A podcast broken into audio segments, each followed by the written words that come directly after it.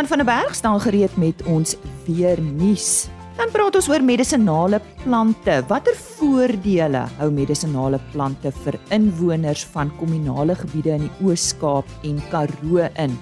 Karen Venter het by Vin Rautenbach, 'n natuurbewaarder van Bathurst daar in die Oos-Kaap, gaan uitvind. En die Strelitzia is een van daardie plante.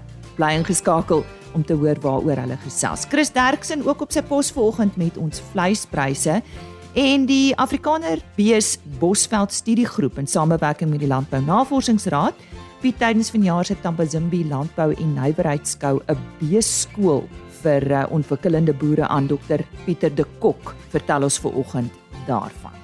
Ek glo dit gaan goed met jou so lekker vroeg op hierdie donderdagoggend. Ja, skole is weer aan die gang en die rotines het begin en ek glo dit gaan goed met jou daar waar jy jouself ver oggend bevind. Geniet daai koppie koffie as dit wel die geval is. Johan van der Berg natuurlik altyd eers op 'n donderdag om met ons te gesels oor weer vooruitsigte. Johan, dis dan aardige weer. Dit is nou weer lekker warm hier bo in Pretoria en maar ek sien die koue is al weer op pad. Dan hoor ek daar's verskriklike reën in KwaZulu-Natal hierdie tyd van die jaar. En dis veronderstel om winter te wees wat nie vir my normaal is nie. So dalk kan jy so 'n bietjie verduidelik môre. Môre Elise. Ja, mens kan eintlik vanmôre oor al die elemente gesels wat in die volgende week of so gaan gebeur uh hier in in Suid-Afrika van koue front sneeu. Uh die hitte lyk my so 'n bietjie verby en reën en wind. So uh, as ons kyk hierdie week se koue front uh het alreeds reën oor die Wes-Kaap gegee en dit is besig om uh oos en noordooswaarts te beweeg. Sneeu uh op die berge van die Oos-Kaap en natuurlik ook uh oor die Drakensberge en dit lyk ook asof daar so teen Vrydag se kant uh ook oor die Oos-Vrystaat en daar die kom ons sê noord van die Drakensberge dalk 'n bietjie sneeu kan voorkom. Uh en so dit is die wintersituasie. Maar dan van Vrydag af uh begin daar 'n tipiese somersituasie ontwikkel met 'n laagdrukstelsel wat hier oor die weste kant van die land maar veral oor Botswana ontwikkel en uh gaan deurbeweeg uh tot hier by Saterdag se kant en vir ons reën gee lyk my oor Noordwes provinsie Vrystaat en al die provinsies verder noord en oos. Ehm um, so dis moeilik om te sê waar maar dit lyk of dit 'n tipe van 'n afsnylaag kan ontwikkel en dit kan dalk in uh kom ons sê van Gauteng, Mpumalanga, KwaZulu-Natal se kant toe kan daar swaarder neerslag voorkom. Uh so heelwat of 'n goeie kans vir reën wat kan kan voorkom. En dan is daar weer 'n koue front hier rondom 25 Julie. Uh wat weer vir ons oor die Wes-Kaap reën gee. Uh temperature gaan baie skerp daal volgende week. Uh dit lyk of dagtemperature onder 10 grade kan kom hier in die Oos-Kaap tussen 10 en 15 meer hier oor die sentrale en oostelike dele van die land. Uh so baie koue toestande wat dan volgende week ook verwag word minimum temperature kan weer redelik ver onder vriespunt wees. Uh so die die hele laaste deel van Julie of kom ons sê die laaste week 10 dae van Julie lyk na baie koue toestande wat gaan voorkom. En dan ook weer hier rondom uh 28 Julie en hier by 3 Augustus uh is daar weer sneeu moontlik. So dit lyk nie asof die winter sommer gaan gaan bes gee nie. En ons praat van 'n somerreënval situasie. Daar lyk of daar weer hier van ongeveer 26 Julie se kant af dat daar weer oor Botswana 'n laagdrukstelsels ontwikkel. Dalk 'n bietjie bietjie meer weste kant toe. Dis moeilik tans, is 'n bietjie lank voor die tyd. En dan lyk dit asof daar oor veral oor die Noord-Kaap se kant 'n klompie reën kan voorkom ook daar in die laaste paar dae van van Julie. So as ons bietjie langer termyn kyk, die dit is tipies met die huidige El Niño dat ons reën kan verwag in die laat winter en dan tot hier omtrent Oktober uh oor die oor die binneland somerreënval situasie. Dit kan begin skuif van die Wes-Kaap alhoewel die koue fronte nog deurkom, daar ook reën gaan gaan voorkom. maar dit lyk of die Wes-Kaap se reën so 'n bietjie ligter neerslag gaan begin uh voorkom. Uh Oos-Kaap nog redelik reën. So ja, dit lyk asof die winter as 'n mens nou krities daarna kyk, tog besig is om verby te gaan of oor te gaan of verder te vorder met dit dat die aktiwiteit skuif van die weste suidweste kant meer na die ooste kant toe. Johan, ons moet haas klaar maak. Ek wil net vinnig by jou hoor die reën wat nou in die somerreënvalgebiede uh, verwag word in hierdie tyd. Wat se impak het dit op landbou? Wat beteken dit? Op graanproduksie gaan dit positief wees, maar veral op met veeproduksie. Uh, met koue toestande en dit lyk ook asof hier redelike winderige toestande kom, kan die reën koue toestande baie gevaarlik wees vir vee. En veral ons boere uh, daar's boere of veeboere wat begin skeer, moet baie versigtig wees in hierdie volgende, ek wil sê ten minste 2 weke. Nou ja, lyk my ons moet nie te ver vooruit kyk nie want dinge verander elke dag. Ons gesels weer volgende week, donderdag met Johan van der Berg. Vir ons bydra oor medisinale plante en die voordele daarvan vir inwoners van kommunale gebiede, sluit ons aan by ons medewerker Karen Venter. Luisteraars, ons het onlangs 'n bietjie met John McGillivray gesels. Hy is die president van die Mikologie Vereniging. Um dit is natuurlik die Sampioene en ek is vandag weer eens in Bathurst in die Oos-Kaap om na nog 'n praatjie te luister en hierdie keer gaan ons 'n bietjie meer luister oor medisinale plante. Ek gesels 'n bietjie hier met um Finn Rautenbach en ja, hy is geleerd, hy is 27 jaar oud. Hy sê hy kom daar van Nysna se wêreld af en hy het hom hier herplant na Bathurst toe. Um vertel 'n bietjie vir die luisteraars waarna gaan ons luister vandag. OK, so um ek het lanklaas eintlik Afrikaans gepraat. Um vir 3 jare was ek in George. Ek het um die botaniese tuine in George gemanage vir 3 jare. So ek het baie Afrikaans daar gepraat, maar vir die laaste 4 jare is dit amper geen Afrikaans. So please if I can speak some English. Um sorry about that. Um, so today, what we're really going to actually be speaking about is conservation potential of um, of the commonages. So when I speak about commonages, I'm thinking about commonages around our areas here, but actually largely about the commonage areas in traditional landscapes. So, for example, the the previous Transkei and the Ciskei, which covers about a quarter of the Eastern Cape's landmass. So what a commonage is um, is an area of land that is not privatized. So it's not owned by anyone. It's anyone has access to it, and um, so there's this great potential for conservation within the com- commonages or the traditional lands. It's just what what we've trying to be figuring out is how do we approach um, conservation within the commonages in a respectful manner and within a way that respects traditional authorities that manage those landscapes and looks after the people on the ground? Because in the end those are the people that are going to be doing the conservation work.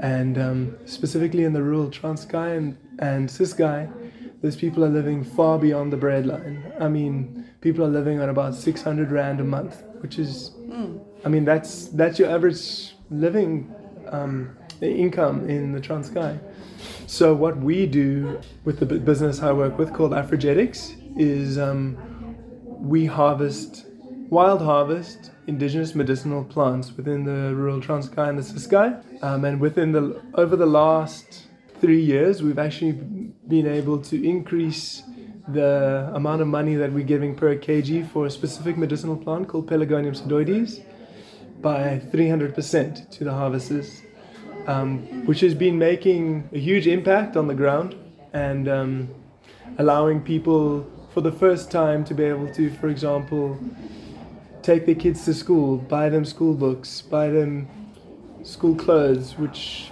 allows them to get below, above that bread line, which then obviously gives you a potential to care a little bit more about your surroundings.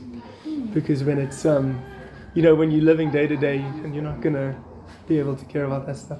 Vind ons gesels nou baie lekker. Ehm um, jy het nou vroeër vir my gesê jou van Rautenbach beteken flowing river. Ja, so jy's definitief river. in die natuur en sê vir my 'n bietjie hoe kan 'n produsent ehm um, gebruik maak van die medisonale plante miskien op hulle grond? Hoe kan hulle dit bewaar? Het jy enige iets wat jy dalk vir 'n produsent daar buite wil sê vandag? Yeah, so I think that there's a there's a great potential specifically in areas that are kind of people experiencing serious drought and stuff like that. So for example in the Karoo, um, we we work with a plant called Scaletium tortosum. It's another plant. Um, they call it canna over there. Scaletium tortosum is an SRI. Um, kind of works like Prozac, um, but it's like nature's Prozac. Quite an incredible plant, and that plant grows wild around there. Um, and what we're doing now is we're creating a model that allows farmers that can no longer grow plants like water, your water hungry typical plants in that area because of lack of rainfall and you know the groundwater drying up to grow something that's more drought tolerant. And it's a kind of a you don't have to grow as much for for, for like kind of a, a high value product so we've been starting that in the ladysmith area just giving an, an alternative opportunity which is kind of not heavy on your landscape not heavy on water but still being able to kind of create an alternative income. Another way that I feel um, farmers could definitely get involved is I know in a lot of farmlands in the Eastern Cape, they still have these large open areas, like, for example, um, in Kumani in um, there's a lot of big open areas um, of wild space on farmers' lands. And in those areas, sometimes there's, for example, Pelargonium sedoides growing in those areas, um, which is a plant which we do harvest. Um, so getting involved in the sustainable harvesting within within those farmlands can either give the farmers a additional income or give their laborers an additional income. Okay. So daar is definitief plante, ehm uh, miskien as jy in jou omgewing uitvind, ehm um, wat se medisonale plante daar groei en dan miskien wat jy daarmee kan maak, miskien om jou gemeenskap 'n uh, bietjie te help um, om dalk geld te maak op 'n manier. Yes, and also obviously to conserve the the wild vegetation to, for, for there to be a, an economic reason for the wild vegetation to kind of remain there I think is always a really valuable thing about wild harvesting. Vind net so vinnig, um dink ek skielik aan die plant Strelitzia. Wat kan 'n mens daarmee doen? Ek sien net 'n verskeie tuine hier in die Ooskaap. So quite interestingly um that you mentioned that up in um kind of the the north the kind of east northeast of the of the Eastern Cape, there's actually been a kind of a, a harvesting operation with with Strelitzia recently, um, with the they call it the wild banana, the tall Strelitzia. Um, and the what the reason for that is there's these little yellow things on the top of the seeds. They're called arils, and what they have in them is a thing called blurabin, which um, actually is an anti-aging properties. So people use it in cosmetics. Um, for example, you know when you have little sags underneath your your eyes that um takes it away. Dames, dis baie goeie nuus vir ons geleedere, veral vir die kraai poetjies wat hier by die oë begin uitsteek, um vir diegene wat nou al oor 40 of so is. Um en is daar enigiets wat jy intern kan neem met die Strelitzia of is dit basies op hierdie stadium net kosmeties? Yeah, mostly it's a cosmetic. I mean people also you can use you can create a flower out of the um seeds as well, but it's not very tasty only if you really need to. Uh vind baie sterkte met jou praatjie en ek hoop regtig waar dat ehm um, dit net voorspoed vorentoe sal wees. Thank you so much. Karen Venter wat uh, daar gesels het met Finn Rautenbach. Hy is 'n natuurbewaarder van Bathurst. Nou tyd vir ons vleispryse met Chris Terksen. Môre Chris. Goeiemôre Lisa, goeiemôre al ons medeboere. Die belangrikste is die mark is regtig besig om baie mooi te styg. Daar's ongelukkig ernstige bottelnekke in die koue ketting om geslagte diere uit te voer en ek neem aan die voerkrale wat regtig wêreldklas is sal hulle bes doen om dit te probeer oplos. Dan het ons die lewende uitvoere van kleinvee wat ons net die een uitdaging het en is dat die DBV nie weer moet begin krap waar dit nie juk nie en die hele wa omgooi nie. Maar verder gaan dit goed. Ek gee veel die pryse. Speenkalvers onder 200 kg gegaan vir R33.21 per kilogram lewendig van 200 tot 250 kg R31.86 en oor 250 kg R31.27. A klasse was R26.76. B klasse was dan nie. Vetkoeie is al op die mooi prys van R24.12. maar koeie op R21.05 en slagbulle soos altyd baie stabiel op R26.57.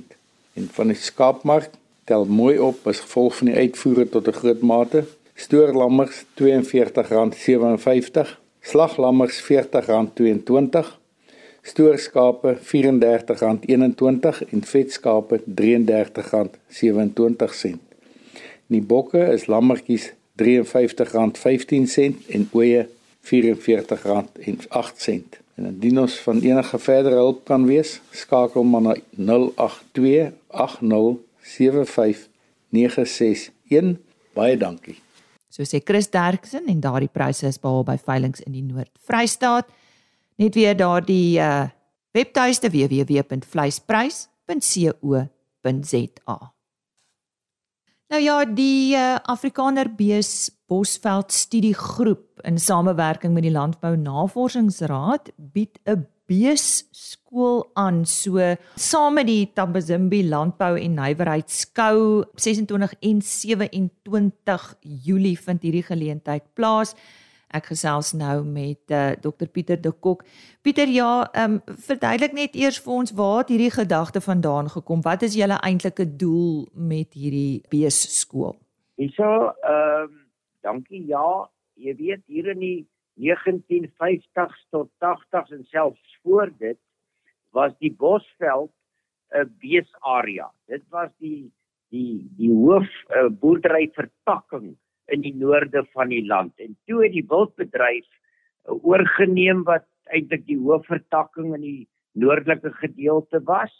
En hierdie laaste 5 jaar na verskeie dinge wat meeste van ons weet wat gebeur het met die wildbedryf, is baie boere weer op pad terug om uh die bestaande plase gras veiding uh wat hulle het te benut deur weer terug te gaan na beesboerdery toe. En ons as Afrikaner beesboere tesame met die navorsingsraad LNR het die afgelope 10 jaar klomp navorsing gedoen oor die aanpasbaarheid van die Afrikaner beesras wat 'n inheemse ras is en Hy pas eintlik in die noorde van die land met die warm uh klimaat en selfs die laaste week nou jy weet daar baie koue klimaat pas hy eintlik soos 'n handskoen. Nou is daar 'n klomp boere wat met beeste boer, maar die uh, kennis wat die ouens het rondom beesboerdery het die afgelope 20 jaar agterweeg gebly. So die die doel van die beeskool was of is dan natuurlik om uh, inligting oor te dra aan stoetboere, aan kommersiële boere, aan ontwikkelende boere, hulle self ja, maar ook hulle werkers, hulle voormanne, hulle plaasbestuurders sodat die ouens weet hoe om met beeste te boer en ook in watter streke veral dan nou in ons geval die noordelike dele van die land. So dit was die hele gedagte En toe het die Landbounavorsingsraad natuurlik gesê nou maar goed, al ons navorsing gaan ons met julle deel en hulle is dan eintlik die mense wat die leidende rol gaan speel by die lesings uh tydens hierdie beeskool om mense in te lig oor hoe om met beeste nou weer te begin boer want eintlik die colleges en die opleidingsfasiliteite in die noorde van die land ehm um, het maar probleme. So ons wil graag kyk of ons nie vir die volgende 5 jaar uh inligting kan deurgee na boere wat dit nodig het om suksesvol ehm um, op uh, basis van ehm uh, veldboerdery van van van kommersiële tipe boerdery, nie noodwendig voerkrale nie benut wat hier in die noorde staan en dit omsit in 'n verbruik bruikbare proteïen wat die hmm. mense vir kos kan gebruik. So dit is die hele gedagte en uh, dit het nou gerealiseer saam met die landbouskou volgende week die 26ste 27ste Julie. So ons sien baie uit na hierdie beeskool wat nou die eerste van sy soort sal wees vir die volgende 5 jaar hoop ons. En jy sê julle reaksie was goed. Nou, weet jy, ons was baie verbaas. Daar was 'n baie goeie Boeredag by die LNR so 4 maande gelede met 'n mm -hmm. met 'n baie prominente bywoning van op 'n wye uh, front.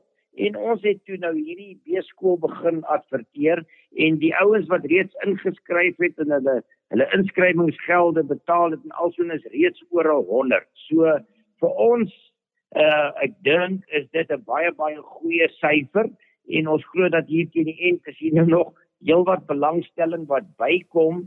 So ja, ons verwag ons begroot vir hmm. omtrent 150 uh kursusgangers of skoolgangers. Ek weet nie dit klink bietjie soos laerskool nie, maar okay, kursusgangers en ja. Uh, ja, ons hoop dan dit gaan 'n baie suksesvolle week wees.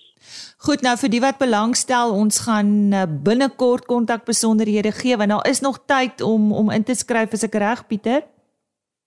Ja, ja, nee, tot op die dag nog van ja. uh wanneer dit begin. Mm. Volgende Woensdag die 26ste.